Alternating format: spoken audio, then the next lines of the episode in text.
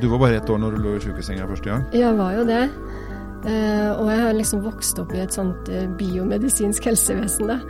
Der var, der var vi kneet i to-senga, ikke Elin, på en måte. Fagbokpodden er laget i samarbeid med Gyldendal. Elin Fjerstad, du har sammen med Torkil Berge skrevet en bok som heter 'Lev godt med sykdom'. Dere jobber begge på Diakonhjemmet sykehus og er spesialister i klinisk psykologi. Skrevet til pasienter og de rundt dem, både helsepersonell og pårørende og partnere og alt. Ja. Du er psykolog. Hvor mye påvirker det å være kronisk syk f.eks. psyken? Ja, det påvirker ganske mye. Vi, vi, mennesker, vi er jo ikke bare en kropp, men vi har tanker, vi har følelser, og vi er sammen med andre mennesker. Og, og det å ha en eller annen begrensning i kroppen, det påvirker psyken ganske mye. Mm. Hvor mye er vanskelig å si, da, men det er klart det, hele, det er jo en av, en av mange påvirkningskilder. Det, det, som skjer i kroppen. Men dere beskriver jo også verktøy og måter å, å, å håndtere psyken og tenke på. Er det noe som er viktig? Vi tror at ganske mange som kanskje har opplevd å bli syke, da, eh, kjenner at den psykiske belastningen er ganske heftig. Ja. Det, pasienter de pleier å si at uh, å bli syk, det er ikke for amatører. Så de vet jo noe om uh, den belastninga det er å ha plager i kroppen og, skulle liksom samtidig leve et liv. Mm. For det er jo det som er det vanskelige, at du også Vi vil jo ha et godt liv. Skal ikke bare overleve, nei? Skal ikke bare overleve, nei. nei. Men hva er viktig, ja, syns du? hvis man sitter i en sånn situasjon og kanskje føler at det kan bli mye av og til? Ja, det, det jeg syns er kjempeviktig, det er å være en god støttespiller til seg selv. Selvsagt er det viktig med sant, god behandling og støtte fra folk rundt oss, men det vi har vært opptatt av i denne boka, det har vært eh, mer sånn eh, hjelpemidler til innvortes bruk, da, mm. for, for, å støtte deg selv. Um, fordi det har så mye å si hvordan du liksom hvordan du behandler deg selv da, eh, når du blir sjuk. Hvis du er en dårlig rådgiver til deg selv, gir deg selv dårlige råd eller kritiserer deg selv Mange begynner liksom å klandre seg selv for alt de ikke får til, f.eks. Kan føle seg som en belastning. Og hvis du går rundt og tenker at jeg er jo bare til bry og ikke til hjelp, så, eh, så har du en belast, tilleggsbelastning til den eh, fysiske sykdommen du har. Da. Ja. Men hvordan blir man kvitt Altså, kvitt blir man kanskje ikke, men hvordan, hvordan, kan man håndtere det da? For det er jo Hvis man plutselig kanskje må ha hjelp til ting man ikke trengte hjelp til, man kan ikke bidra på den måten man bidro før altså, det, er jo, det er jo veldig fort gjort å tenke at nå, nå koster jeg mer enn jeg smaker, på en måte. Ja, uh, det er det. Og, og det er ikke noe galt i å tenke det. Men uh, fordi at uh, sånn er jo hjernen, at den bare pumper tanker mm. hele tida, den. Og sånne tanker kommer. Uh, men, men, da gjelder det å liksom bli obs på at OK, nå, nå driver jeg visst og tråkker på meg selv her. det trenger jeg virkelig ikke. Ikke sant? Det, det, blir feil for meg, eller det blir ikke bra for meg. Mm. Så, så det gjelder liksom å bli oppmerksom på hvordan vi behandle oss selv innvendig, på en måte, da, i form av eh, hvordan vi tenker om oss selv. Men så skriver du også om betydningen av håp. Ja. Håp er jo veldig diffuse greier. Altså, det er sånn, ja. Kan du beskrive hva du hva, hva, tror, eller hva mener du som psykolog at, eh, at, at håpet eh, betyr for oss? Ja, når jeg snakker med pasienter om det, så sier pasienter noe om det at eh, håpet liksom er en kraft, da og at det er et verktøy å bruke når, eh, når du har det vanskelig, rett og slett. Og så, sier, så, så det sier pasientene, og så sier forskerne også at uh, håp er også en måte å tenke på. Mm. Sånn at uh, om du da kanskje ikke har så mye håp, så, så, går det faktisk an å trene seg opp til å tenke på en måte som gir deg litt mer håp. At du rett og slett kaster ballen litt positivt fremover og på en måte uh, har håps At det blir på en måte et slags mål, da? Ja, at det, det, er jo på en måte lettere å leve med en eller annen belastning hvis du har et håp om at uh, en, en, gang så kan noe bli lettere for meg. Men er det ikke sånn ofte at man ikke tør å håpe fordi man er så redd for å bli skuffa? Jo, og mange sier akkurat det. Da blir fallhøyden så stor, ikke sant. Mm. Men det blir den uansett, tror jeg. Selv om ikke vi Altså, vi blir skuffa uansett. Selv om ikke vi har investert så veldig mye håp, så, så vil det uansett gjøre vondt og, om det ikke blir sånn som vi innerst inne har håpa på. Ja, ikke sant. Så jeg tror at Men du tror ikke det blir noe verre om vi tillater oss å ha et håp om noe bra? Jeg tror fordelene er større enn ulempene. Jeg skjønner ulempene du peker på, men ja. fordelene er at du da har noe å lene deg til, på en måte, når du har det vanskelig. Og det, det, trenger vi mennesker når vi har det vanskelig. Det er jo en balansegang. En skal jo ikke ha altså blindt håp der du bare Der du er helt ute og kjører, på en måte, og ikke har forholder deg i det hele tatt til uh, realitetene. Det tjener nok ingen. Og det kan også være en belastning for uh, de rundt også. Men, um, så det er en balansegang mellom å på en måte La oss si du har en uhelbredelig sykdom, da. Eh, og veit at du skal dø, så er det noe med at du trenger på en måte å vite det, men samtidig trenger du ikke gå rundt og tenke på det hele tida. Det, det, er det jeg kommer til å dø av denne sykdommen. Og du må, kan også lene deg til et håp om at um, ja, da er det mye forskjellig en kan håpe på da, når en er i den situasjonen. En kan flytte håpet. Om ikke, om ikke en kan lenger bli frisk, så er det andre ting en kan håpe på. Mm. Få oppleve noe, få kjenne noe, få være til stede på noe. Ja. Mm. Ha meningsfulle hverdager. Andre ting som du, eh, du, eh, eller dere peker på, er uh, dette med partner. Og så bare dro jeg det litt sammen. Utseendet endrer seg, kapasiteten endrer seg, det du får til endrer seg, og du føler kanskje at du ikke er den kjæresten du en gang var. Mm. Hvordan forholder man seg til sånt, både som kjæreste og som kjæreste til? Ja, tror det er lurt å snakke om det, da. Gode onde dager, liksom? Ja, det er jo noe med det. Og, og, noen møter sykdom i livet, og andre møter andre belastninger. Og, og da gjelder det vel, som ved alt annet, at vi trenger å snakke sammen og liksom føle at vi, vi er et team, da, når mm. en er et par. Og som du sier, sykdom kan påvirke både kropp og funksjon, og det også en Kan også for pårørende være en sorg.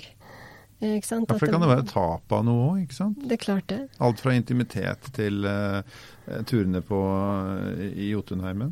Ja. Så mange sier jo det at uh, det var ikke sånn, det var ikke dette jeg hadde tenkt for livet mitt. Mm. Det var ikke sånn det skulle bli, liksom. Så det er jo en veldig krevende omstillingsprosess. Både for den som er syk, og for den som er partner, da. Skjønner du at forhold ryker i sånne situasjoner? Ja, klart. Belastningene er stor. Mm. Um, men det vi, det, vi kan, det vi, kan, bruke, er at vi kan snakke sammen. Mm. Og prøve å forstå hverandre, da. Uh, at den som er partner, kan forstå hvordan I hvert fall prøve å forstå litt hvordan det er å være syk. Og den som er syk, kan prøve å forstå hvordan det er å være partner.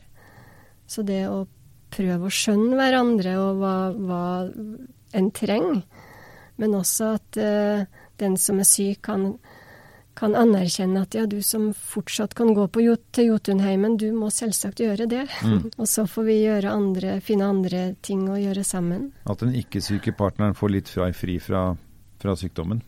Det tror jeg er ganske viktig, mm. ja. Men det er kanskje vanskelig å kose seg òg, når du vet at du har en hjemme som du er glad i, som er syk. Altså det, er jo, det er jo mye følelser her som, ja. som, kan være tøffe og, og jeg håper å si kneise da, hvis du, hvis du er den friske parten. Absolutt, eh, og mange sier jo akkurat det. Men, eh, men jeg tror allikevel en må ha det som eh, en visjon, da. Eller som i hvert fall at en føler en tillatelse til å gjøre sine egne ting. Mm. Selv om ikke den som er syk kan være med på det. Og så dele de følelsene en da får. Kanskje holde på lagoppstillingen selv om motstanderen blir tøff. ja. Eh, du har jo eh, selv eh, levd med og lever med kronisk sykdom. Du har leddgikt ja. siden du var ett år gammel. Ja. Eh, hva har det hatt å si for at du ble psykolog, og i tillegg innenfor det fagfeltet setter dette fokuset? Um, Jeg vet ikke akkurat hvordan det har påvirka meg, men at det har påvirka meg, det er jo helt klart. Du var bare ett år når du lå i sjukesenga første gang? Jeg var jo det. Uh, og jeg har liksom vokst opp i et sånt uh, biomedisinsk helsevesen, da. Der var, der, var, vi kneet i to-senga. Ikke Elin, på en måte, men mm. en var en var Du var sykdommen? Var sykdommen, eller en var det leddet som skulle opereres. Mm. Um, så jeg tror at Jeg har jo sett hvor uheldig det kan være, da. og ikke Hvis helsevesenet ikke kan se hele mennesket. Hvis ikke du husker på at eh, det kneet i tosenga, det har også følelser og tanker. Og um, det påvirker også kroppen. Så det er ikke bare å, fjerne sykdom eller uh, ta medisiner for sykdommen, men, men, alt påvirker kroppen, også hvordan du har det med deg selv. Altså det å ha sykdom, det gir deg også en kompetanse, og det er jeg litt opptatt av. fordi i vårt samfunn så forbinder vi på en måte kronisk sykdom med, med svakhet, på en måte. Det er bare negativt, ja bare negativt. Du er på en måte samfunnets klamp om foten. Og det er også noe å bære med seg i sin selvfølelse, på en måte. Og det er fort gjort å føle at den er Ja, at du har et minus foran, da. Mm. Og, og, jeg følte på det. Men, eh, men, det å ha sykdom gir også en kompetanse. Så det å få fram at det kan også være erfaringer og kompetanse som en kan bruke, da i, i yrkeslivet eller i andre sammenhenger. Og, og, alle som selv har vært syk, de vet jo at eh, de vet hvor sterk en må være. Mm. Sånn at samfunnets holdninger til sykdom og hva som er på en måte realiteten, det er ganske forskjellig, da. Men er ikke det litt rart? Fordi at hvis vi, altså hvis vi skal på en måte eh, spørre oss til råds før en lang seiltur, da, mm. så spør vi jo til råds med de som har vært ute på tur og opplevd hardt vær. Ja. Altså, da er vi veldig klare på at vi må, vi må, snakke med de menneskene som kan noe om dette, som har stått i det. Ja. Eh, men det kommer til sykdom, og vi, vi, har jo selvfølgelig en viss grad eh, eks-narkomane, kriminelle osv. som også på en måte eh, går ut og trekker erfaringer. Men mm. hvorfor sitter det så langt inne, tror du, å, bruke erfaring fra f.eks. sykdom? Altså ja, veldig godt spørsmål. Eh, det må vi bli mye mer opptatt av, tror jeg. Men vi, vi, er jo mer opptatt av det nå. altså Vi er mer opptatt av brukerkompetanse. Mm. Vi har uh, folk som jobber som bruker- eller erfaringsformidlere. Brukerrepresentanter inn i sykehus og, og, sånn. Både i somatisk og psykisk helsevern så har vi det. Så vi, vi verdsetter noe mer. Men allikevel um, ikke så mye som vi burde, tror jeg. Så det er jo det de som uh, Eh, mange har snakka om nettopp det, at hvis vi skal ha et godt helsevesen, så må vi begynne å høre på brukerne. For jeg er også så opptatt av at eh, det å ha fysisk sykdom, det krever mentalt at du har mentalt sterke muskler. Og idrettsutøvere, de trener jo mentalt, f.eks. De, de har skjønt at uh, for å gjøre store prestasjoner, så må du ha både sterk syke og sterk kropp. Og det å leve med sykdom som ikke går over, det tenker jeg er en stor prestasjon. Ja. Og jeg har møtt så mange pasienter som, eh, som bekrefter det. Eh, at du må ha sterke mentale muskler for å holde ut med smerter og utmattelse, alle de plagene mm. og problemene som det kan gi. Eh, men da må man også ha muligheten til å trene opp den mentale styrken, da. Uh, akkurat sånn som idrettsutøvere gjør, som kan bruke de verktøyene som vi beskriver i boka. Mm. Idrettsfolk gjør jo det. Så det er det som jeg brenner for, på en måte, da, og at også de som har sykdom i kroppen, må få tilgang på det. Mm. Så derfor skrev vi denne boka. Ja, for du, du, har jo også, i tillegg til å være Altså, du er jo du er en fagperson, klinisk psykologi, spesialist sådan. Uh, så har du skrevet et brev til deg sjøl. Ja, hadde lyst til å, å by på det i, i, boka her, for der bruker vi jo litt egne erfaringer. Ja. Eh, og det er da brev til kroppen min, som jeg har hatt litt blanda forhold til gjennom disse 54 årene. Så det høres sånn ut, da. Det er dager der jeg forbanner deg når du gjør vondt, ikke orker det jeg vil, eller ikke er til å stole på.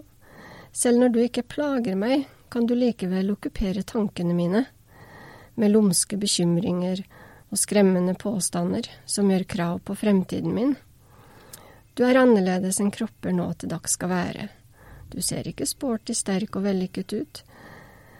heller svak og syk. Du gir andre et førsteinntrykk jeg ikke har kontroll over, sikkert med et minus foran. Pokker ta deg.